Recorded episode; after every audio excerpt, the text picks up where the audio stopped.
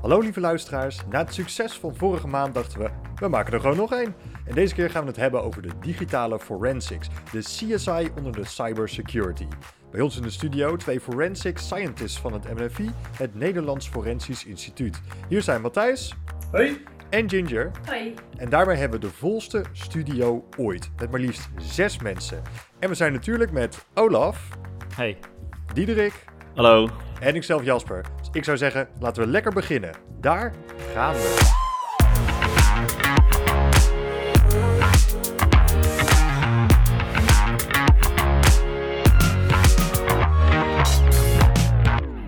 Ik, uh, ik, ik, zie een, ik zie een gitaar aan de muur. Wat, uh, waar, waar zitten jullie? Uh, dit is mijn studeerkamer. Dit is mijn thuis. Ah. Die gitaar oh, die is van mij. Het is een basgitaar trouwens, maar ik weet niet hoe het snaren tellen op de ah, yes, hoeveelheid pixels gaat werken. Anders had ik het moeten weten. Nice. Oké, okay, Tja, dat is toch het, het nadeel van elkaar digitaal moeten ontmoeten. Jullie zijn dus forensic scientists bij het NFI. Um, ik, ik, ben eigenlijk vooral wel heel benieuwd. Wat, wat doet een forensic scientist nou eigenlijk precies? Ja, ik noem het zelf vaak digitaal forensisch onderzoeker. Moet natuurlijk wel in Nederlandse termen blijven. um, maar uh, in principe doen we uh, onderzoek naar uh, digitale sporen die op gegevensdragers uh, aanwezig kunnen zijn. Digitale gegevensdragers. En dat zijn bijvoorbeeld USB-sticks, telefoons, laptops. Maar er kunnen ook uh, uh, uitlezingen zijn van navigatiesystemen of uh, auto's. je kan het zo gek niet verzinnen. Ja. en doen jullie precies hetzelfde binnen het NFI? Of zitten daar ook nog weer verschillen tussen? Jullie dagelijks Ja en nee. Um, jullie zitten in het team waar ik in heb gezeten. Dat is het team wat veel onderzoek doet naar... naar... Interpretatie van digitale sporen. Dus, precies. als je een berichtje leest, een WhatsApp berichtje of zo, die je in digitaal bewijs terugvindt nou, dan kan je zeggen dat berichtje is zo uh, laat gestuurd en dit is de inhoud van het berichtje. Uh, heel simpel gezegd. Hm. En, en jij Matthijs? Die, uh... ja. ja. Ik zit bij het team Forensische Big Data Analyse. En dat hele mond vol, maar we proberen op nette wijze data science-achtige technieken op, op data toe te passen. Um, op zo'n manier dat het een voordeel heeft voor de opsporing of dat het, we er aan kunnen rekenen zodat we uh, bewijskracht van een stuk bewijs kunnen, uh, kunnen bepalen, bijvoorbeeld. Ja. past dat een beetje bij jullie achtergrond? Of was dit twintig jaar geleden niet uh, wat jullie hadden bedacht om te gaan doen? Nou, twintig jaar geleden was ik volgens mij nog niet eens student. Nee. Vijftien, ik... nee, het is, nee, op zich wel. Het is, ik heb informatica gestudeerd in Twente. Computer science eigenlijk, moet ik zeggen. Net als wij. ja, precies. Net, dus wat dat betreft zijn we in goed, in goed gezelschap. Ja, um, ik heb informatica gestudeerd in, uh, aan de TU Delft. Dus, ja. Check. Ja, Diederik die vroeg het op die manier omdat hij twintig jaar geleden al CISO wilde worden toen hij nog een luier aan had. Dus. Ja, absoluut. Ja. ja, dat was ook je, je moet jong beginnen. Ja. ja, twintig jaar geleden kon ik niet programmeren, denk ik. Dus, uh... Kan hoop gebeuren. Nice. Ja, jij, noemde net, uh, jij noemde net dat jullie nette dingen willen doen met grote data. Waarom zei jij expliciet nette dingen? Nou, wat je, um, data science technieken en, en, en termen als uh, uh, deep learning en machine learning en dat soort dingen allemaal, dat valt onder uh, data science technieken, trucjes, geef het een naam. Um, en in het nieuws merk je heel vaak dat dat soort technologieën um, eng zijn voor, voor eindgebruikers. Dus we, we doen wel heel erg ons best om wat te doen, altijd heel strak te valideren, op zo'n manier voor elkaar te krijgen dat, we, dat we dat soort angsten al voor zijn. Um, en dat we het op een gedegen manier doen dat, het, dat wij, wij ervan overtuigd zijn dat het, dat het klopt. Ja. ja, want wat ik begrijp van de, de buren van data science, dat is een andere masteropleiding, hebben wij zelf niet gedaan, is het vaak dat je een beetje de controle kwijtraakt over wat zo'n algoritme nou precies doet. Uh, omdat de computer zichzelf dingen leert. Um, en jullie kijken dus heel erg goed naar hoe kunnen we die, uh, ja, hoe, hoe, kunnen we dat uit, uitleggen. Nou, en ook blijven uitleggen vooral Matthijs hoor, die, die uh, zich bezighoudt met uh, machine learning. Ja, ja, precies. Ja, ja nee, dat, dat, dat, dat is inderdaad ongeveer de samenvatting. We proberen, um, we proberen die, die modellen zo te houden dat we ze kunnen uitleggen. Um, ja, als, wij, uh, als wij ergens voor een, voor een zaak um, een, een, een, een berekening doen of een, een, een, ranking van het een of het ander opleveren, uiteindelijk moet het iemand vanuit het NFI als gerechtelijk deskundige onder Ede in de zaal in de rechtszaal dit soort dingen kunnen toelichten. Ja. Ehm, en als je dan ehm, nog moet, ja, moet, moet, moet zeggen dat het, dat het algoritme nou, om een heel stom voorbeeld uit de praktijk mee te nemen, um, heel anders reageert op mensen met een andere huidskleur. Ja, dan, uh, dan moet je daar dan goed kunnen uitleggen waarom dat wel of niet zo is, of waarom dat, dat niet van toepassing is uh, in deze context. Dus dat zijn dingen waar we heel erg op moeten letten. Betekent dat dat jij het moet begrijpen en dus onder Ede moet kunnen verklaren, nou, dit, deze conclusie klopt? Uh, of moet de rechter of degene tegen wie je hard probeert te maken dat een bepaalde conclusie juist is, moet hij dat ook echt goed begrijpen? Waar, uh, hoe ver gaat dat? Ja, nou, ik ben geen, geen gerechtelijk deskundige, dus ik hoef dat zelf uh, niet per se, maar een collega van me die dat, die dat wel is, die moet het op zijn minst zelf heel goed begrijpen. Maar die moet het ook uit kunnen uitleggen um, aan een, een, rechter en een officier van justitie en een advocaat en een verdachte dat we dat soort dingen gevalideerd hebben. Ja, ik, ik ben, ik ben gerechtelijk deskundige in opleiding. Uh, en, en in principe in die opleiding leer je ook wel uh, ja, hoe je dingen duidelijk in, uh, in, goede taal kan uitleggen aan, aan de rechter. Want je kan natuurlijk niet verwachten dat een rechter van alle vakgebieden op de wereld diep technische of inhoudelijke kennis heeft. En gerechtelijk deskundigen die kunnen daar de rechter wel in bijstaan. En dan is het ook wel de bedoeling dat we echt de, de feiten presenteren. en, en dus ook per definitie onafhankelijk zijn. Ja. dus we doen niks we, zijn niet specifiek uh, in opdracht uh, aan het werken voor de verdediging of de aanklagende partij, maar gewoon echt als uh, onafhankelijk deskundige. Nice. En het op zich wel grappig om te horen dat jij daar nu in opleiding voor bent. Zeg maar, van waar heb je die, die keuze gemaakt of waarom is dat leuk om te doen naast de technische dingen die je misschien meer op een dagelijkse basis doet? Nou ja, het, het, kwam, het kwam toevallig met de functie mee toen ik bij het NFI kwam werken. Ah, nou ja, toevallig in zekere zin natuurlijk, maar dat is echt een, een opleiding die intern door het NFI wordt aangeboden. Mm -hmm.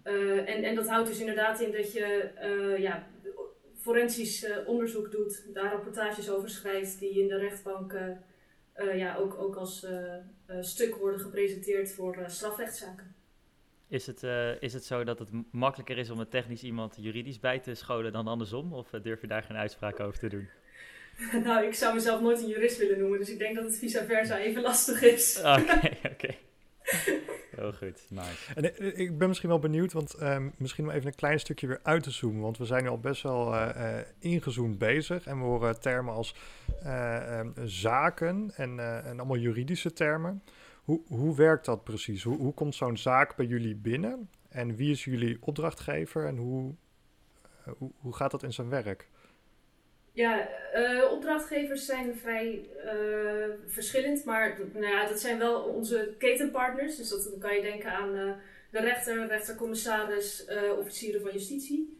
Um, ja, en, en de zaken, dat is vaak dus de, de opdracht die je krijgt vanuit de opdrachtgever. en daarin staat een vraag zoals, um, kan je nog verwijderde berichten terughalen? Dat zou een vraag kunnen zijn. Ja, ehm, ja en, en de, de zaken waar je dat voor doet, dat zijn dus strafrechtszaken. Dus dan kan je denken aan delicten zoals uh, moord, zedenzaken, drugshandel, wapenhandel. Cybercrime. Ja, dus, ja zeker cybercrime ook natuurlijk, ja. ja. Nice, oké. Maar het is ook wel een beetje het klassieke uh, oude, nou ja, politiewerk uh, wordt ook ondersteund, zeg maar. Ja, dat wel. Dus, uh, kijk, traditioneel gezien is het NFI de onafhankelijke partij die opdracht krijgt van een rechtercommissaris. Um, maar we, we, hebben ook regelmatig uh, zaken of projecten waar we samenwerken met de opsporende kant van het verhaal. En dan heb je het over uh, politie. Ja. Um, en dan, dan hoeft dat in sommige gevallen nog niet eens een zaak te zijn, maar ja, hebben ze iets of iemand in beeld. of het is een, een, een onderzoeksproject waar ze um, waar ze denken, de, de, de mensen bij het NFI die hebben hier verstand van, die willen we hierbij betrekken. Ja. Okay. Wordt er ook een, een, samenwerking gezocht met marktpartijen? Bijvoorbeeld als het gaat om delen van kennis of uh, dat soort dingen? Ja, in zekere, in zekere zin wel. Um, niet, niet direct dat er andere marktpartijen worden aangesproken van zullen we samen een, eh, een, eh, research and development project opstarten. Maar er zijn wel gewoon organisaties waar je in samenwerkt. En we komen ook op conferenties om kennis te delen. En ja, soms volgt daar wel een bepaalde samenwerking uit. Uh, en met welke partij dat precies is, ja, het hangt er vanaf wie er geïnteresseerd is op zich. Ja, ja meestal, meestal zijn het wel overheidspartijen. Ja, ah, meestal wel. Oké. Ik vind, uh, zeg maar, uh, uh, misschien merken luisteraars dat ook, dat, dat we op, af, af en toe op sommige vlakken een beetje vaag blijven. er is natuurlijk ook een, een persvoorlichter aanwezig. Um, en er zit natuurlijk een bepaalde soort geheimheid rond jullie werk, om zo maar te zeggen. in, in, waarop, op basis van, maken jullie zeg maar de afwegingen welke dingen wel en niet naar buiten mogen?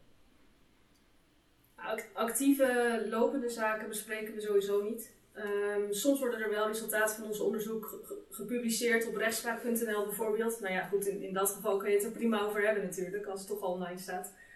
Um, maar lopende zaken, daar blijven we altijd wel vanaf.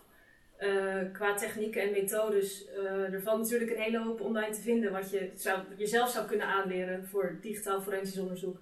Dat zijn ook niet de dingen waar we geheimzinnig over uh, zouden doen. Nee, nee oké. En is het dan ook nog zo dat, dat jullie bijvoorbeeld ehm, methodes of tools of iets ontwikkelen die ook dan openbaar worden gemaakt? Of is dat, zijn jullie vooral afnemer van techniek op het internet, om zo maar te zeggen? Nou, in beide gevallen wel. Er zijn, het is niet heel vaak dat we een, een methode die we specifiek voor een zaak um, ontwikkelen of zo publiceren. Hm. Um, maar er zijn wel dingen die of zo generiek toepasbaar zijn um, dat we, ze, dat we ze kunnen publiceren. Of we dingen die we juist publiceren om te laten zien dat we dingen in, uh, in, in the open doen, zeg maar. Ja, oké. Ja. Nice. Is er eigenlijk samenwerking tussen jullie en bijvoorbeeld het, het Forensisch Instituut van Duitsland als het gaat om bepaalde ontwikkeling van technieken? Ja, zeker. Waar dus waar, wel echt kennisdeling ontstaat? Oké. Ja, ja, absoluut. Ja, er zijn conferenties waar, uh, gewoon specifiek forensische conferenties waar uh, doorheen heel Europa, of in sommige gevallen wereldwijd, allemaal NFI-achtige partijen aansluiten en dan uh, ja, ja, case studies, ontwikkelingen of uh, wat dan ook met elkaar delen. Maar dat blijft dus ook gesloten? In sommige gevallen. Uh, een wat publiekere conferentie is bijvoorbeeld DFRWS, Digital Forensics Workshop. Research Workshop volgens mij. Ja, Research Workshop, sorry. Ja. Al die afkortingen ook altijd.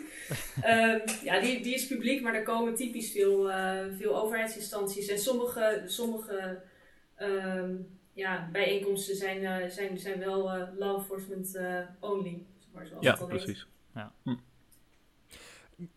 Waarom, waarom wordt er eigenlijk zo geheimzinnig gedaan over de, die middelen? Is dat omdat jullie willen voorkomen dat nou ja, kwaadwillenden er ook gebruik van kunnen maken of zich daartegen kunnen wapenen bijvoorbeeld? Ja, ik denk dat dat laatste een deel daarvan is. Um, je wilt niet uh, mensen die kwade wil hebben bij voorbaat een handleiding geven over zo moet je het doen. Dat, stel dat er met z'n allen niet meer bij kunnen. Uh, ja, dat, dat is een van de redenen, maar... Ja, maar op zich, methodes op zichzelf, daar zijn, daar zijn we echt niet bijster geheimzinnig over hoor. Uh, kijk, uh, een, een, een gegevenskopie, een image maken van, uh, van een gegevensdrager is denk ik geen rocket science. Mm en, en er valt ook weinig over te verbergen. Um, ja, het enige verschil is in sommige gevallen wordt de data in mindere mate vrijwillig gegeven of meerdere mate vrijwillig gegeven. Dus dat, dat is het stuk waar we vaak een beetje vanaf blijven. Maar, maar het onderzoek dat je doet op als de gegevenskopie eenmaal uh, beschikbaar is, ja, er zit weinig, weinig geheimzinnigs aan eigenlijk. is aangenomen dat de gegevensdrager meewerkt. Op het moment dat je een gegevensdrager hebt die of op beveiligd is of uh, waar iemand zijn best voor heeft gedaan om die uh, zo kapot mogelijk te maken, dan, uh, dan kan het opeens wel rocket science worden om die data er weer af te krijgen. Ik vind, ja, ik vind het mooi dat jullie dat noemen. Ehm, Ginger, jij zei ook al aan het begin dat gegevensdragers, dat kunnen laptops, USB-sticks, SD-kaarten, maar ook navigatiesystemen, et cetera, kan echt een heleboel dingen zijn. daar ben jij blijkbaar ook mee bezig om daar nog weer, ja, of dat te kunnen imagen, dus een kopie te kunnen maken of dingen daar af kunnen halen. Wat, wat zijn nou dingen die mensen eigenlijk allemaal achterlaten op dit soort apparaten? Ja, dat is, dat is echt uh, absurd veel. Uh, ik neem even aan als we, als we het scenario van uh, mobiele telefoons nemen, want ik denk dat dat voor de meeste mensen het meest tastbaar is. Ja. Maar op een, op een mobiele telefoon zit natuurlijk heel erg veel. als je eenmaal toegang hebt tot, tot de gegevens die erop staan, uh, dan, dan, dan kan je kijken welke sensoren er de afgelopen periode zijn aangesproken. Of wanneer een applicatie is opgestart. Uh, wanneer de toetsenbord is geopend voor een bepaalde applicatie. Ja. En, en natuurlijk welke berichtjes er zijn gestuurd, welke foto's er zijn gemaakt, uh, wat je hebt gezocht op internet. Ja, dat is, dat is heel erg veel. Ja, ontzettend veel data. Wij, wij hebben daar zelf ook even over nagedacht. Uh, en het aan onze luisteraars gevraagd zelfs. Hoeveel uh, telefoons heb jij nog liggen? Want ik bedoel, telefoons zijn er nu al uh, nou, meer dan tien jaar echt gemeengoed geworden. gaan een jaar of twee, drie mee. En dan belanden ze bij veel mensen gewoon in de la. Ja. Zonder te wipen of wat dan ook. Um, Olaf, jij hebt de uitkomst ervan opgezocht volgens mij. Ja, het klopt. Zeg maar, gemiddeld laten mensen zeg maar, zo'n uh, zo'n 3,5 uh, telefoon uh, achter, zullen we maar zeggen. Um, zonder eentje door midden te breken. Dat is inderdaad een mooie. ik, denk, ik denk dat dat vooral met te maken heeft hoe lang je zelf al meegaat. Want inderdaad, als je gewoon aanhoudt dat je elke 2, 3 jaar een nieuwe telefoon neemt... en je gooit er nog een, nooit een weg, dan blijft die gewoon liggen. Maar jullie zouden wel durven zeggen dat je op basis van nou ja, allemaal oude telefoons die je aantreft... gewoon nog een soort complete reconstructie kan maken van van het eerste moment dat iemand de telefoon uh, heeft gekregen tot nu? Of, of maakt het ook nog uit bijvoorbeeld hoe oud de telefoon is? Of... Nou, niet, niet alle data blijft even lang bewaard. Uh, voor Android heb je bijvoorbeeld uh, zoiets en dat heet usage stats. Dat is gewoon ja, een bestand en dat houdt bij welke applicatie er wanneer is geopend. En, en die, ja, die, dat wordt gelogd en op het moment dat het bestand een bepaalde grootte heeft gekregen, dan overschrijft hij zichzelf met nieuwe data. En, en het onderscheid daarin wordt gemaakt zijn uh, wekelijkse, maandelijkse, jaarlijkse oh, en dagelijkse opnames daarvan. Ja, en dat is dus ook een klein beetje de, de mate van details die, uh, die bewaard blijft. Dus ja, je kan, ik, ik vind het een gevaarlijke uitspraak om te zeggen dat je het complete beeld eh, helemaal kan reconstrueren. Maar uh, er kan wel een hoop teruggehaald worden. Zeker ook als het oudere telefoons zijn natuurlijk. Want die, die, zijn, die hebben niet de meest nieuwe security updates, waar wel uh, kwetsbaarheden voor, voor bekend zijn, bijvoorbeeld om ze uit te kunnen lezen. Ja. ja.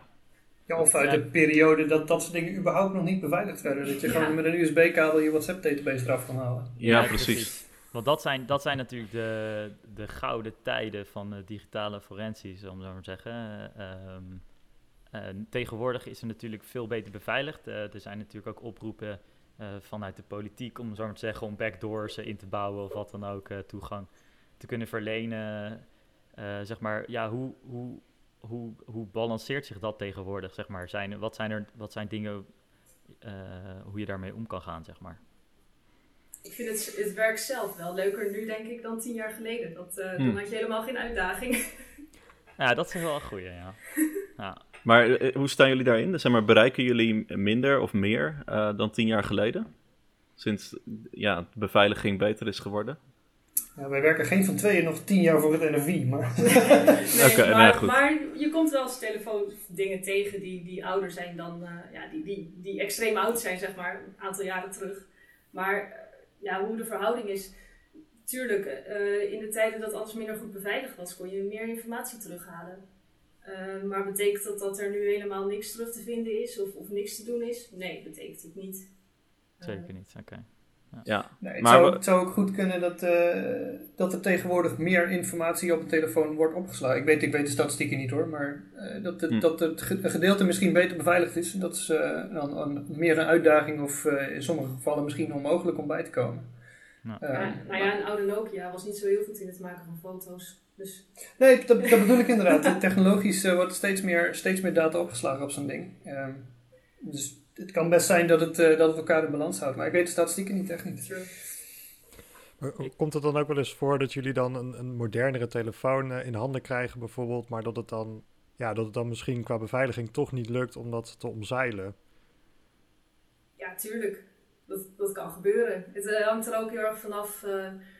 Um, kijk, meestal uh, is, doet, doet de opsporing de acquisitie. Je kan je, je kan je voorstellen, er wordt een inval gedaan of iemands huis wordt, wordt binnengedrongen en de verdachte zit, zit in huis en er wordt gevraagd, geef het wachtwoord van je telefoon, want dan kunnen we in ieder geval kijken wat voor data er op die telefoon staat. Ja, dat, dan is die gegevenskopie vrij makkelijk gemaakt. Mm dus wij komen niet vaak in aanraking met het veiligstellen van data. Niet zo vaak in ieder geval als dat de opsporing dat heeft. Uh, wij krijgen wel vaak de, de uitdagendere situaties. En dat betekent dus ook dat je ja, vaker uh, mis hebt dan raak, denk ik. Ja, precies. En, en dat gaat dan nu specifiek dan over eh, digitale beveiliging. Ik kan me ook voorstellen dat jullie wel eens gegevensdragers krijgen die eh, fysiek misschien wel kapot zijn gemaakt. Of eh, hebben jullie daar ervaring mee? Ja, wij zelf niet, maar dat doet onze afdeling wel. Ehm, dus we hebben ook een, eh, een team en dat houdt zich heel erg bezig met het eh, eh, ja, repareren van hardware. Om het eh, even kort door de bocht te noemen. Ja. Eh, en en er, zijn, er zijn ook situaties, als je wel eens op de afdeling langskomt, staat er een mooie vitrinekast waarbij je een harde schijf ziet en er zit een kogel doorheen. Eh, ja, dat, dat zijn de type eh, ja, gevalletjes die je kan, kan verwachten als je, als je langs de kamer loopt. Nou. Ja, maar, maar ook dingen waar telefoons waar het scherm van afgebroken is. Ehm, Ja. ja, dat, Ja. dat is gewoon het typische moment waarop je mensen zich niet realiseren waar, waar de data in zo'n apparaat zich bevindt. Ja, precies. Ja, telefoons die uit sloten zijn opgehaald, gebeurt ook al veel. Ja. Ja, water. Mensen die eh, een halve inboedel onder de douche hebben gegooid omdat er door de politie wordt aangeklopt. Ja. Interessant, oké, maar dat doet, doet blijkbaar eh, te weinig. Misschien eh, kunnen jullie niet helemaal vertellen wat wel genoeg doet, zeg maar. Maar ik kan me, eh, ik kan me voorstellen dat, ehm, eh, dat er inderdaad van alles wordt geprobeerd. En in het geval van de telefoon waarbij het scherm doorbreekt, ja, dat chipje met de data erop, die staat heel ergens anders. Ehm, wat, ja, wat, wat, wat is zeg maar een... ehm, of nou ja, in ieder geval, oké, met die harde schijven, de kogel doorheen, dat is haast een soort eh, museumstuk, zeg maar. Zijn er nog meer van die mooie cowboy-accessoires die jullie, eh, die jullie tegenkomen? Of? Oeh, ja, moet ik even die vitrine in de kast eh, voor mijn hoofd halen. Maar eh, er staat in ieder geval een grote pot met zout water in. Ja. En, eh, met een telefoon erin. Ja, het is ook nog een controversieel onderwerp. Als je een eh, apparaat uit het water haalt, of die dan eh, moet opgeslagen worden in een bak met zout, of in hetzelfde water bewaard moet blijven, zeg maar, voor de recovery. Bak met zout of bak Hmm. met rijst? Uh, rijst, geloof ik. Ja, bak met zout is denk ik vrij snel klaar. Maar het is ook echt eh, afhankelijk van het land. eh, en volgens mij zelfs de organisatie wat, eh, ja, wat, wat wordt aangeraden om te doen dan. Nou, grappig. Maar een ander leuk voorbeeld, of nou ja, leuk, eh, is eh, telefoons die verbrand zijn bijvoorbeeld. Ja, soms kan die casing compleet smelten, terwijl eh, de chip zelf nog wel blijft bestaan. En dan, dan kom je ook wel echt eh, terecht in het gebied waarbij je zegt, we hebben een donorapparaat nodig. Dat is een beetje hetzelfde als een harttransplantatie. Nou ja, Eh, en dan Ja. soldeer je de chip van de een naar de ander of zo. Ja, ja, dat is grofweg waar het om neerkomt. Ja. Ik zie heel vaak mensen in films eh, het in de magnetron gooien. Werkt dat wel? Goeie vraag. Nou, alleen voor die ene iPhone die tegen de magnetron komt. Daarvoor Nee. niet, dus zeg maar. Nee, nee. Oké, nice. Nee, in de magnetron niet. Nee hoor. Nee, ik, ik bedoel, de oven werkt soms wel. Je hebt wel eens van die solderingen voor je videokaart die, eh, die kapot zijn Ah, gegaan. En Als je ja. hem Ja. 60 graden lang in de oven zet, of 40, ik weet niet precies uit mijn hoofd. Ik heb het een keer gedaan, ja. Dat werkt. Ja, het werkt wel, ja. Ja, Nice, oké, cool. goed. Onderwerp voor een andere podcast, maar goed. En, en ik, ik ben dan ook wel benieuwd, want hier, hier komt eigenlijk het, het, veldwerk en het, en het forensicswerk heel dicht bij elkaar. Want op het moment dat iemand bijvoorbeeld bewijsmateriaal wil vernietigen, of eh, een telefoon is in een hele benarde plek, zeg maar. Ja, dan wil je niet iemand die, die zo heeft van, oh, trek het even los en ik stuur het op naar jullie. Er moet toch wel een soort van communicatie misschien zijn, of kennis. Ja, absoluut. En dat is een van die dingen die eh, op zo'n conferentie dus bijvoorbeeld ook wel eh, gewoon een presentatie over wordt gemaakt. Van hoe kunnen we nou met z'n allen ervoor zorgen dat zo'n telefoon A, het snelst op het NFI terechtkomt op het moment dat hij op het NFI ehm, onderzocht, gerepareerd of wat dan ook moet worden. Ehm, maar ook B, hoe, hoe kunnen we als onderzoekers, als, als de, de, de digitale experts niet op locatie zijn, hoe krijgen we de, de rest van de organisatie zover dat ze ehm, een telefoon die aanstaat eh, zo snel mogelijk in een Faraday-kooi gooien. Of eh, een telefoon die in het water wordt gevonden in een pot schoon water. Of juist een pot van hetzelfde water wordt gestopt en dat soort dingen. Dat is, dat is echt letterlijk voorlichting, ja. Ja, grappig. Maar Ja. jullie gaan niet mee op locatie, als ik het zo eh, hoor. Typisch niet. Eh, maar- Heel, heel soms. Ja, in sommige gevallen wel. Ehm, zeker op het moment dat er vanuit de politie wordt gevraagd van kunnen jullie eh, eh, iemand meesturen, want we verwachten iets waarvoor we jullie expertise graag op locatie willen hebben. Ja. Ehm, dan kan het zijn dat we daar, nou maar dat, dat is dus dan een soort van zaakaanvraag. Maar in, in principe ehm, hebben we in Nederland ook heel veel digitaal rechercheurs. En dat zijn eh, opsporingsbevoegde ambtenaren, dat zijn wij niet. Eh, en, en die mensen hebben natuurlijk best wel veel technische kennis ook, heel erg veel. Eh, dus in hoeverre zijn wij vaak fysiek nodig? Niet zo heel vaak. Je, je ziet meestal dat, het, eh, dat een, een telefoongesprek voldoende is. Soms wordt er wel gebeld. Kan je iets met deze telefoon? Of ik heb deze situatie, hoe kunnen we daarmee omgaan? Oké. De helpdesk. En je- Ja. Ja, dat is wel heel erg oneerbiedig. Nee, maar... En, ja, en, en dan, ja, wat je al eerder zei, denk ik dan, de, de- op het moment dat het echt eh, een soort eh, onmogelijke puzzel wordt, eh, dan, gaan jullie, dan gaan jullie er alsnog even naar kijken of er niet wat mee kan. Of zeg je dat Ja. niet goed?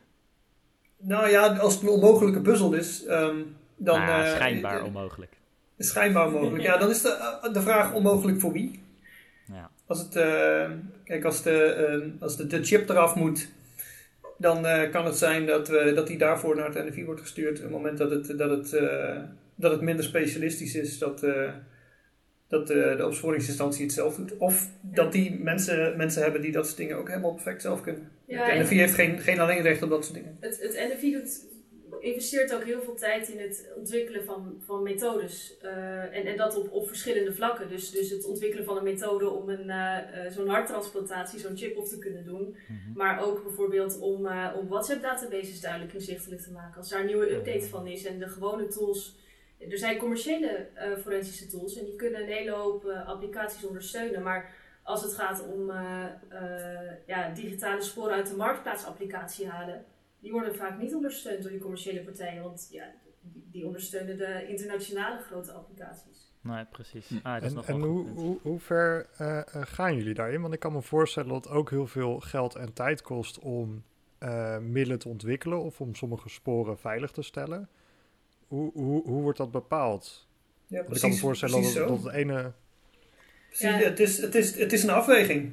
Ehm, dit- volgens mij is eh, vrijwel alles in de security, als je er maar genoeg tijd en resources tegenaan gooit, eh, gaat het open. Ehm, en het is aan typisch volgens mij het OM om te bepalen of de resources die wij inschatten dat ergens voor nodig gaan zijn, of dat, eh, Ja. of dat de moeite waard gaat zijn. Meestal zie je in de gang van zaken wel dat, dat er eerst eh, eh, ja, een scenario wordt voorgelegd. Kunnen jullie hier iets mee? En dan weet je natuurlijk wel of dat wel of niet zo is. En zo niet, dan ga je, doe je een heel kort onderzoek om, om een indicatie te krijgen van hoeveel tijd het gaat kosten als je hier meer op zou willen investeren. Om daadwerkelijk resultaten te kunnen boeken. En, en met die urenindicatie eh, ja, ga- je terug naar het OM en dan kan het OM beslissen van nou, daar ga je wel je tijd aan, aan besteden of daar niet. En, en of dat wel of niet gebeurt, dat is heel erg afhankelijk van eh, ja, de impact van de methode eh, die je gaat ontwikkelen en de impact van de zaak waar je deze methode voor ontwikkelt. Ja. Dat is eigenlijk een typische business afweging. Kostenbaten. Ja. Ja, absoluut. Maar ja, goed, dat werkt natuurlijk ook zo bij de overheid. Eh, we hebben het nu de hele tijd over, over telefoons gehad eigenlijk. Maar ik denk dat jullie in het beantwoorden van onderzoeksvragen ook nog wel eens andere soorten hardware eh, voorgeschoteld krijgen, om het zo maar te zeggen. Ik bedoel, ik denk aan eh, een verdachte heeft een horloge om, dat net niet slim is, maar wel wat data verzamelt. Eh, of dashcams die in auto's hangen of zo. Wa- Wat zijn er nog meer voor gegevensdragers hierin? Videorecording systemen, die eh, springs, eh, springs to mind, die willen ook nog wel eens eh, bij dingen als een plofkraak of zo. Er zijn vaak Ah, ja. videosystemen bij Ja. betrokken. Zeker als het een plofkraak is geweest, kan het best zijn dat die goed beschadigd is. Hm. Dan eh, ja, wordt het de kans van eh, wat is er kapot en hoe krijgen we die data er weer af? Ja, het varieert echt enorm. Eh, ik, in, in mijn werk zie je, kan het zomaar zo zijn dat je de, eerste, de komende drie weken bezig bent met een eh, TomTom en, en, en drie weken daarna bezig bent met een mobiele telefoon en, en drie weken later met een router. Eh, Ja. Een smart TV, dat, dat soort spullen. Hmm. het, het varieert gigantisch. Als er maar digitale data in zit, typisch, en, eh, en iemand heeft een idee, dus die, er zit iets in wat ik wil weten, dan eh, wil het nog wel eens meer over de gang dat terechtkomen. Gelukkig is het een enorme hype om voor alle apparaten die er bestaan, ook maar gewoon ever, om ook data te verzamelen. Dus eh, wat dat betreft kunnen jullie lol op, zeg maar. Dit maakt Ja, jullie vak veelzijdiger, ja. Of dat nou gelukkig is, dat laten we even in het midden. Ja, precies. Dat wordt een soort... eh, wat En, en, wat is nou een apparaat wat jullie een keer in handen kregen waarvan je echt dacht van, nou, dit, eh, dit, dit had ik echt niet verwacht. Of dit is echt eh, gek, gek onderzoek. Ja. Nou, ik heb wel, het is per- niet per se de, de data die eraf kwam die ik gek vond. Maar eh, die zaak zelf, daar werd ik echt gek van in een bepaald opzicht. Want het ging over een, eh, zo'n TomTom dus die was uitgelezen. En, en de vraag was eigenlijk, ehm, eh, kan je zien wanneer er genavigeerd is naar een bepaald adres? en, en dat kan in principe op het moment dat zo'n TomTom weet waar die is. Dus als die met, met GPS-metingen weet waar die is, dan, dan gaat er vaak ook een pakketje mee vanuit zo'n satelliet dus, hoe laat het is. Dus die systeemklok die kan super nauwkeurig zijn. en, en in dit geval kon die, die resultaten maar niet reproduceren. En, en achteraf bleek dat Ehm, in 2019, uh, eh, eigenlijk tussen 6 en 7 april, um, was de GPS Week Rollover bug. En dat komt ah. zo'n satelliet, die stuurt zo'n heel klein pakketje met een weeknummer. En als er meer dan, uh, dan 1024 weken zijn, zijn uh, ja, voorbij gegaan, dan begint dat tellertje opnieuw. En dan weet die software eigenlijk niet meer welke week het is. Nou, dat, dat, was, dat was echt absurd. En dat duurde zo lang voordat ik daarachter kwam. Ik heb het eh, altijd met, uh, met zomer-wintertijd, maar ik kan me voorstellen dat dit nogal wat erger is. Uh, sowieso zijn, zijn tijden, zeg maar tijdslijnen opbouwen, dat is echt altijd your worst nightmare in, in de forensisch onderzoek. Nee, de, klokken, klokken zijn bij ons een, een, een known ehm, punt van, van hoofdpijn. Zeker op het moment dat je in een zaak twee laptops, een computer, drie telefoons en een tomtom, dan heb, je, uh, dan heb je ook zes klokken. En als die klokken niet allemaal precies even gelijk lopen, dan zijn de tijdstempels niet met elkaar te vergelijken. Ja. Als iemand bewust een klok heeft scheef inlopen stellen, dan, dan doet de tijdlijn allemaal hele gekke dingen. Er zit, uh, ja, het wordt exponentieel hariger hoe meer, uh, hoe meer klokken je naast elkaar moet hebben. Dan heb je niet eens over tijdzones. Nee, nee, dan hoop je nog dat de software dingen opslaat in een tijdzone als UTC of zo, waardoor je vervolgens gewoon gewoon alles netjes naast elkaar kunt leggen en niet ook nog rekening mee moet gaan houden met het schuiven van uren. Ja. En zomer en wintertijd, ja. Ja, precies. Je blijft bezig. Je blijft bezig, inderdaad. Ik, uh, ik weet dat we het nog helemaal in het begin hebben het heel veel gehad over, uh, over op een verantwoordelijke manier uh, machine learning toepassen of data science zeg maar doen. Um, ik weet dat er een heleboel kan. We hebben net ook genoemd dat, we, dat bij cybersecurity het algemeen geldt als je er maar genoeg resources, tijd en, uh, en wilskracht tegenaan gooit, dan is alles te kraken. Uh, hoe ver moeten we daarin gaan? Wat vinden jullie daarvan? Welke afwegingen worden daarvoor uh, ook gemaakt? Ja. Ah, in, in, mijn beleving zelf vind ik wel dat, dat je, de, de, aanvalsvectoren zijn heel anders op het moment dat je een apparaat fysiek in handen hebt. Mm -hmm. Eh, dus, dus zeg maar iets op afstand of vanuit de lucht uh, kunnen hacken. Uh, dat, dat zijn hele andere aanvalsvectoren dan, dan die je kan uitvoeren als je het apparaat zelf in handen hebt. En, en bij ons met het forensisch onderzoek kom je veel vaker fysieke apparaten tegen die kunnen uitgelezen worden dan dat het op afstand gebeurt. Ja, ja. ja en dan, daarbij is het dus belangrijk dat je dingen die je over de lucht kan doen, om zo maar te zeggen, die kun je dus ook op schaal heel makkelijk op iedereen toepassen. En jullie ja. zijn eigenlijk veel meer toegespitst op uh, specifiek één apparaat van één persoon helemaal kunnen doorlichten. Ja, dat, vanuit het NFI is dat meestal de, de, de hoek waarvan, waarvan we uitwerken. Ja, oké.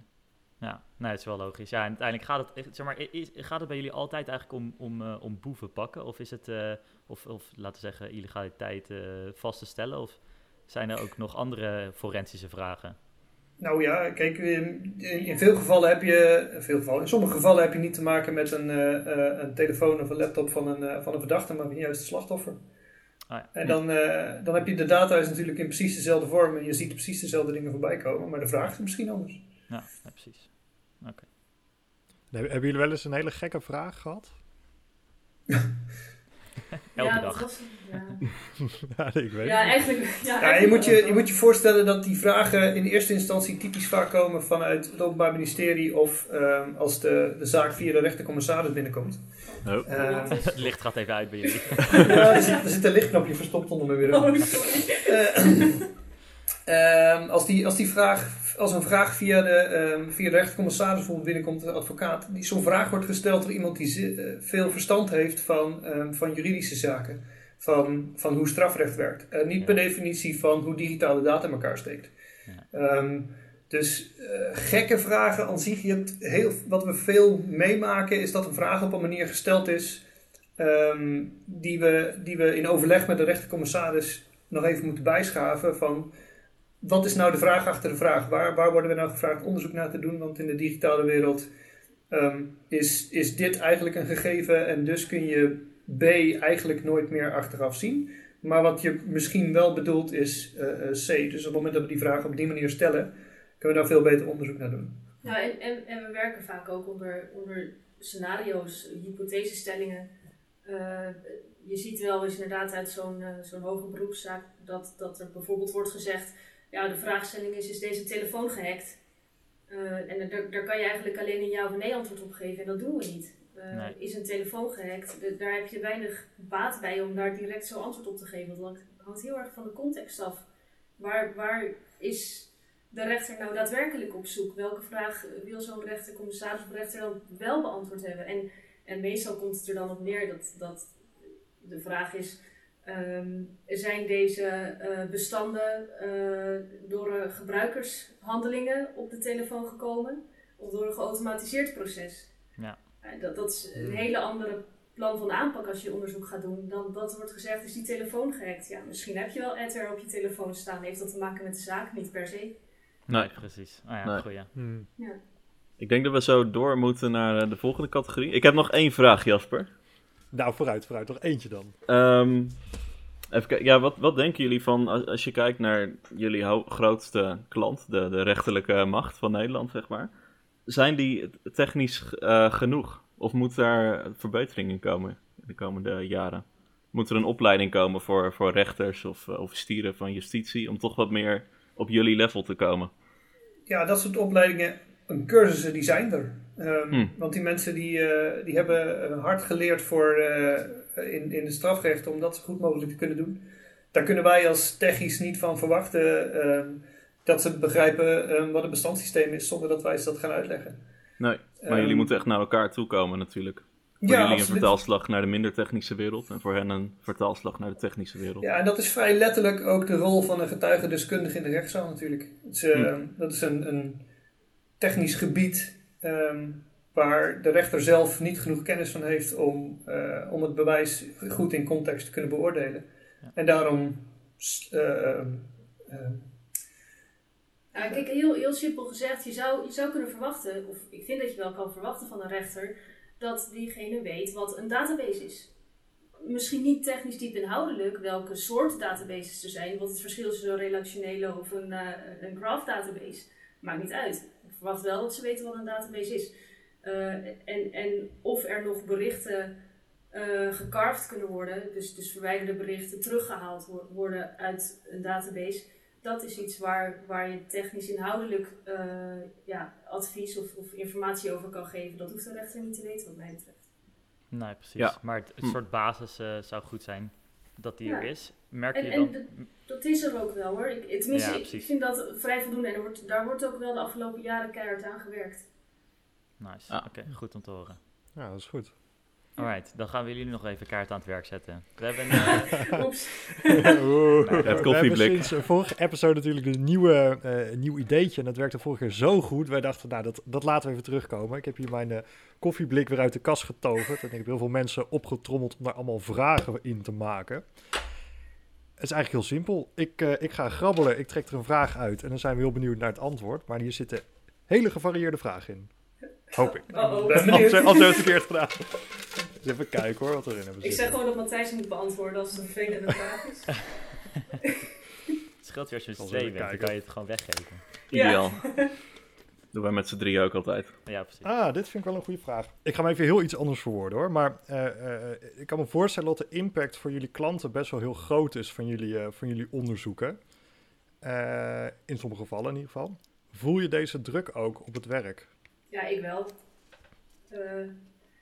Als, je, uh, als je een rapport de deur uit doet die uh, in een strafrechtszaak behandeld gaat worden, dan, dan heeft het wel veel impact op, op het slachtoffer, op de verdachte. Uh, en, en natuurlijk zit er geen oordeel in. Bedoel, het oordeel moet de rechter uiteindelijk vellen. Maar op het moment dat je een, een foutje maakt, een, cruciale fout van of de klok wel goed liep van een computer, ja, of nee, dan, dan voel ik me er wel heel verantwoordelijk voor. Dat zou ik echt heel erg ellendig vinden. Ja, precies. Die druk, die, die, die druk die is er best wel. Maar dat is wel ook de reden waarom dat alle processen bij het NFI, dat klinkt echt super saai. Maar er zijn, er zijn heel veel processen in onderzoek en de manier waarop zo'n uh, zo'n rapportage de deur uitgaat. Die ervoor zorgen dat er altijd meerdere mensen hebben gekeken en altijd kritisch wordt gecontroleerd wat we allemaal doen. Zodat we de kans dat er een keer iets, eh, iets misgaat gewoon beperken. Dus ja, die druk die is er zeker, maar ehm, er zijn ook best wel, eh, er zijn best wel manieren voor om, die, eh, om de risico's die je daarvan ervaart gewoon eh, proberen te, te mitigeren. Nice, oké. Ja, precies. Laten we nog maar Ja. eentje doen. Nou, oké, nog eentje. Toch wel. eh, spanning stijgt, tromgeroffel. Ehm Oeh, zou je met de expertise die je nu hebt ook eh, makkelijk bewijs kunnen planten? Nou, makkelijk. Ehm, Ja, ik heb mijn, eh, mijn game-pc heb ik eh, standaard op een eh, andere tijdsinstelling staan. En dat irriteert Matthijs echt grondig. Eh, ja, dat is waar. en in, in zoverre bewijsplanten, niet zozeer, maar wel, eh ja, forensisch onderzoekers kan je wel frustreren op die manier, denk ik. Ja, Ja, precies. precies. Maar tegelijkertijd zorgt die expertise of, en de ervaring die je in dat digitale eh, forensische veld hebt er ook voor. Dat, je, dat we ondertussen weten dat het, het een totaalbeeldje Ja. ehm, een vals spelen, daar moet je zoveel details voor goed krijgen. Dat is, dat is, dat is heel erg moeilijk. Je kunt, daar- je kunt bijna altijd wel een stukje dieper graven om te kijken ehm, of het spoor op het vorige niveau logisch is. Op het moment dat je, nou ja, het is, Ja. je, je moet heel, heel, heel erg goed je best doen. Wil je een, bewust een totaalplaatje voor elkaar weten te, te faken. Eh, eh, heb je dat wel eens meegemaakt, dat dat geprobeerd is? En dat jullie er dan eh, achter kwamen? Nou, een van de standaard dingen die, eh, ehm, die we altijd wel noemen is, is het manipuleren van de klok. Zoals Kentje aangeeft op het eigen, op het eigen game PC. Dat maakt je sporenbeeld als je dingen ehm, in volgorde probeert te zetten gewoon ingewikkeld. Ja. En, en ja, je kunt wel weer sporen vinden van het feit dat de klok scheef stond. Dus dan ga je een niveau dieper en dan heb je weer, nou oké, vanaf dan tot dan moet ik de tijd dus twee uur opschuiven, want iemand heeft met de klok zitten rommelen. En als je dan opnieuw gaat kijken, dan, nou goed. D- daar komt het hoofdpijnpunt vandaan, maar ja, je kunt, je kunt in veel gevallen wel gewoon op een andere plek kijken van, ah, maar er is mee gerommeld. Misschien moeten jullie niet meer een podcast toegeven dat het heel irritant is als mensen met de klok rommelen. Ja, maar gelukkig is dat voor je als eindgebruiker voor jezelf ook eh, eh, Heel irritant. irritant. Als je Ja, een trein dat wil proberen te halen, kun je maar beter je klok gewoon goed zetten. Goed punt, goed punt. Alright, cool. Ik Nice. zal eens even kijken of er, of er nog een leuke vraag in zit hoor. Even. Nog een keer wat. Ik vind ze wel leuk tot nu toe. Valt ook geen afspraak met jou te maken, Jasper? Zeggen, doen we nog eentje? Doet hij er nog één? Ja, nog eentje dan toch? Nog eentje dan. Even kijken. Dan gaan we naar huis. Eh, oh, die kan echt niet hoor. Ik doe even nog één. Zo. Even Je kijken. laat luisteraars wel een enorme cliffhanger achter hier. Ja, dat mag ook wel een beetje af en toe, toch? Nou, vooruit. Ehm, eh, ja, dit vind ik er wel een goeie. I- Is je werk puur op feiten gebaseerd? Of moet je ook veel aannames doen, omdat bijvoorbeeld de tijd beperkt is? We proberen ons altijd te baseren op feiten. Ehm, maar de tijd is per definitie beperkt. Ehm, je kunt niet eh, tien jaar onderzoek doen over, eh, over hetzelfde. Maar ik zit even te denken, wat voor aannames... Nou, in sommige gevallen maak je wel een aanname bijvoorbeeld over de technische capaciteiten van de eigenaar van de gegevensdrager. Hm. Ehm, kijk, in principe wil je zo min mogelijk van de context van de zaak weten, eh, want dat, dat zou je ook kunnen beïnvloeden op een bepaalde manier. Ehm, maar aan de andere kant, als je weet dat je te maken hebt met een eh, echte lead hacker, dan, eh, ja, dan kijk je naar andere sporen, zeg maar, dan, tenminste, dan, dan kijk je op een andere manier naar het, naar het digitale bewijs dan dat je dat doet terwijl het, de pc van mijn oma is, bijvoorbeeld. Ja. Terwijl mijn Ja. oma ook best wel... nee. Zet de hele tijd de klok verkeerd. Zo irritant. ja. Nice, oké, cool. Nou Jasper, dat, dat was de laatste vraag dan, Goed. Of, eh, ja, laten we doorgaan naar Helaas. eh, Koffie, Ja, ik denk niet dat er veel meer tijd is. eh. het volgende wat we op het programma hebben is het, het Cyberwoord. eh, elke maand, eh, of elke aflevering tegenwoordig, want we maken één keer per maand een aflevering. Wow, het is wel best wel toevallig, hè? Eh, kiezen we een, het Cyberwoord eh, eh, van de maand. Eh, en dat zijn eigenlijk gewoon eh, dingen die in het nieuws langs zijn gekomen, of wat dan ook. eh. Eh, en die, eh, ja, wat, uiteindelijk eh, in het woordenboek misschien wel mogen komen. Ehm Diederik, wat, eh, wat heb jij er deze week eh, van gemaakt? Ja, wordt weer een beetje een terugkerend onderwerp, hè, dat ik eh, met het cyberwoord oh ja, nee, kom. ik vraag jou eerst. Ehm, nou, ik heb opnieuw dit... Oké. Ja, nee, dat, dat mag. Ik, eh, ik heb opnieuw naar eh, Arjen Lubach gekeken. De ene laatste of de allerlaatste aflevering. Dus, eh, nou goed. Laatste keer ook dat ik eh, woorden van Lubach ga aandragen. oh. Eh, maar ik vond data lekkernij wel een hele leuke. Zeker in de, eh, ja, in de ontwikkelingen van de afgelopen weken. Eerst dat uh, autobedrijf, 7,5 miljoen uh, rijen aan uh, gegevens van autobezitters die APK's deden. maar vorige week ook Facebook. 5,4 miljoen Nederlanders. helaas, sta ik zelf, ja, sta ik zelf ook in. zoek het vooral niet op, zou ik zeggen. misschien had ik het niet moeten zeggen. Of het klopt, ja. Dus nee, data lekker. Ja. ja, nee, dat klopt. Ja, dat is wel balen. Ja. Helaas. Maar goed, data lekkernij dus. Prachtig woord. Ik zie nu al een soort consensus. Ik, ook. Maar misschien... Uh, maar we hebben er nog meer, denk Matthijs, ik. Ginger, hebben jullie nog iets uh, leuks wat jullie zouden willen aandragen? Zonder jullie te veel op de spot uh, te zetten. Oeh, als een cyberwoord van de maand. Ja, ik wist wel dat jullie dat deden, maar ik heb helemaal niet nagedacht over cyberwoorden van de maand. Ah, dan, gaan we straks, dan gaan we straks gewoon stemmen. Jasper, wil jij nog iets inbrengen? Ja, ik, ik heb er uitgebreid over nagedacht, maar ik moet zeggen, ik vond het wel heel lastig deze maand. Uh, ik wilde eigenlijk iets combineren met de politiek, want ik vond het, uh, de, de vergetelheid, uh, daar dacht ik, daar, daar moet wat mee, maar ik kwam er nog niet helemaal uit om daar een cyberwoord van te maken deze keer. Je kunt, ja, functie elders, ik weet niet. Nee, geen idee. Ik, uh, ik, ik ga die eens weer. Uh, ik ga Jasper Boot, functie doen, elders. Uh, om iets beters in te brengen. Ik denk, tenminste, ik ga mijn stem gewoon uitbrengen voor het woord van Diederik. Want die, ja, die vind ik heel erg mooi. Data letter. Ja, ik, ik, ik, vind het stiekem ook wel gewoon een mooi eerbetoon aan de, aan de zondag met Lubach, die we helaas moeten missen nu. Ja. Ja, ja, klopt. En data lekkernij klinkt ook wel leuker dan dat het is natuurlijk. Dus dat maakt het ook wel mooier. Het is een beetje de, de... We hebben liever zomertijd, Precies. want we zijn zomermensen. Ja, ja. maar misschien werkt het eindelijk een keer dat als we een beetje omgekeerde psychologie toepassen, dat het misschien minder wordt. Uh, maar ik heb er toch een beetje hard hoofd in. Uh, als je van datalekkernijen houdt, dan heb je veel minder coronakilo's, toch? Ja, nou, hoewel zit je dan meer achter je computer, waardoor je minder beweegt, waardoor je weer meer... Ja, ja dat is ook wel waar. Ik weet het niet, ik weet het niet. Ja. Je hebt de afgelopen tijd behoorlijk wat data lekker kunnen consumeren dan. misschien moeten sommige mensen ook af en toe de data lekkernij eens even laten staan. En uh, wat gezond aan data gaan eten. nou, wel een mooi voornemen dan voor de, voor de komende maand. Nou, we hebben natuurlijk ook uh, iedere keer een leuke tip. Uh, ja, in eerste instantie ben ik benieuwd, hebben jullie een leuke tip? Bijvoorbeeld een website of een link voor de luisteraars waarin ze zelf iets kunnen vinden? Leren over forensics, over het NFI, ja. over...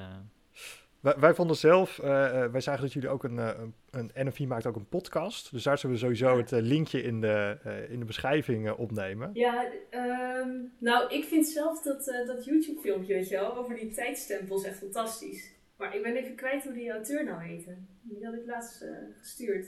Over synchronisatie nee, nee, toevallig? of je wel of niet zelf oh. de tijdzones moet gaan implementeren. The Problem with Time and Time Zones van Computerfile. Oh, cool. Cool. Ah. Ja, voor mij posten zij ook wel meer uh, interessante video's over uh, computergerelateerde problemen. Wel echt leuk. We zullen sowieso even een linkje dan uh, in de beschrijving zetten. Nou, we zijn, we zijn helaas alweer een beetje aan het einde gekomen van deze aflevering. ik zou zeggen, ehm, volg ons natuurlijk op onze Spotify, Twitter en onze Instagram, @whathehek. en je kunt ons ook natuurlijk een e-mailtje sturen, hallo En we vinden het ook leuk als jullie nou vragen hebben voor in het koffieblik voor volgende keer. Stuur ze op dan, uh, dan stoppen we het allemaal in. Uh, en natuurlijk... Ik weet eigenlijk wel wat we missen. Wij missen een uh, sneak peek naar de volgende aflevering. Oeh, dat is een goede. Ook wel re re redelijk essentieel voor uh, de vraag in het koffieblik natuurlijk. Maar dat, dat kunnen we sowieso wel al een beetje geven, toch? Want dat, dat we, gaan, we gaan natuurlijk nog niet exact vertellen waar we het over gaan hebben. Maar we hebben het nu een beetje over de, de, de CSI gehad van cybersecurity. Uh, en misschien gaan we het de volgende keer dan wel weer een beetje hebben over de James Bond van de cybersecurity. Dus dat, uh, dat hmm. zover ik voor de teaser. Ik zie je kijken van geen idee wat je hiermee bedoelt. ja. Of wie? Ja, of wie? Nee, klopt. Nou, het is niet per se een persoon, maar de volgende keer... Uh, ja, gaan, willen we dat wel of niet zeggen? Nou ja, gaan we nee, het wordt, wordt nog een verrassing. Oh, wordt een verrassing. Ja. Flauw. Over cliffhangers gesproken. En, en daarmee sluit het toch echt uh, de podcast voor deze keer af. Uh, ontzettend bedankt. Dit waren Matthijs. Hoi. Ginger. Yes. Olaf. Hey. Diederik. Joejoe. En ikzelf, Jasper. Doeg!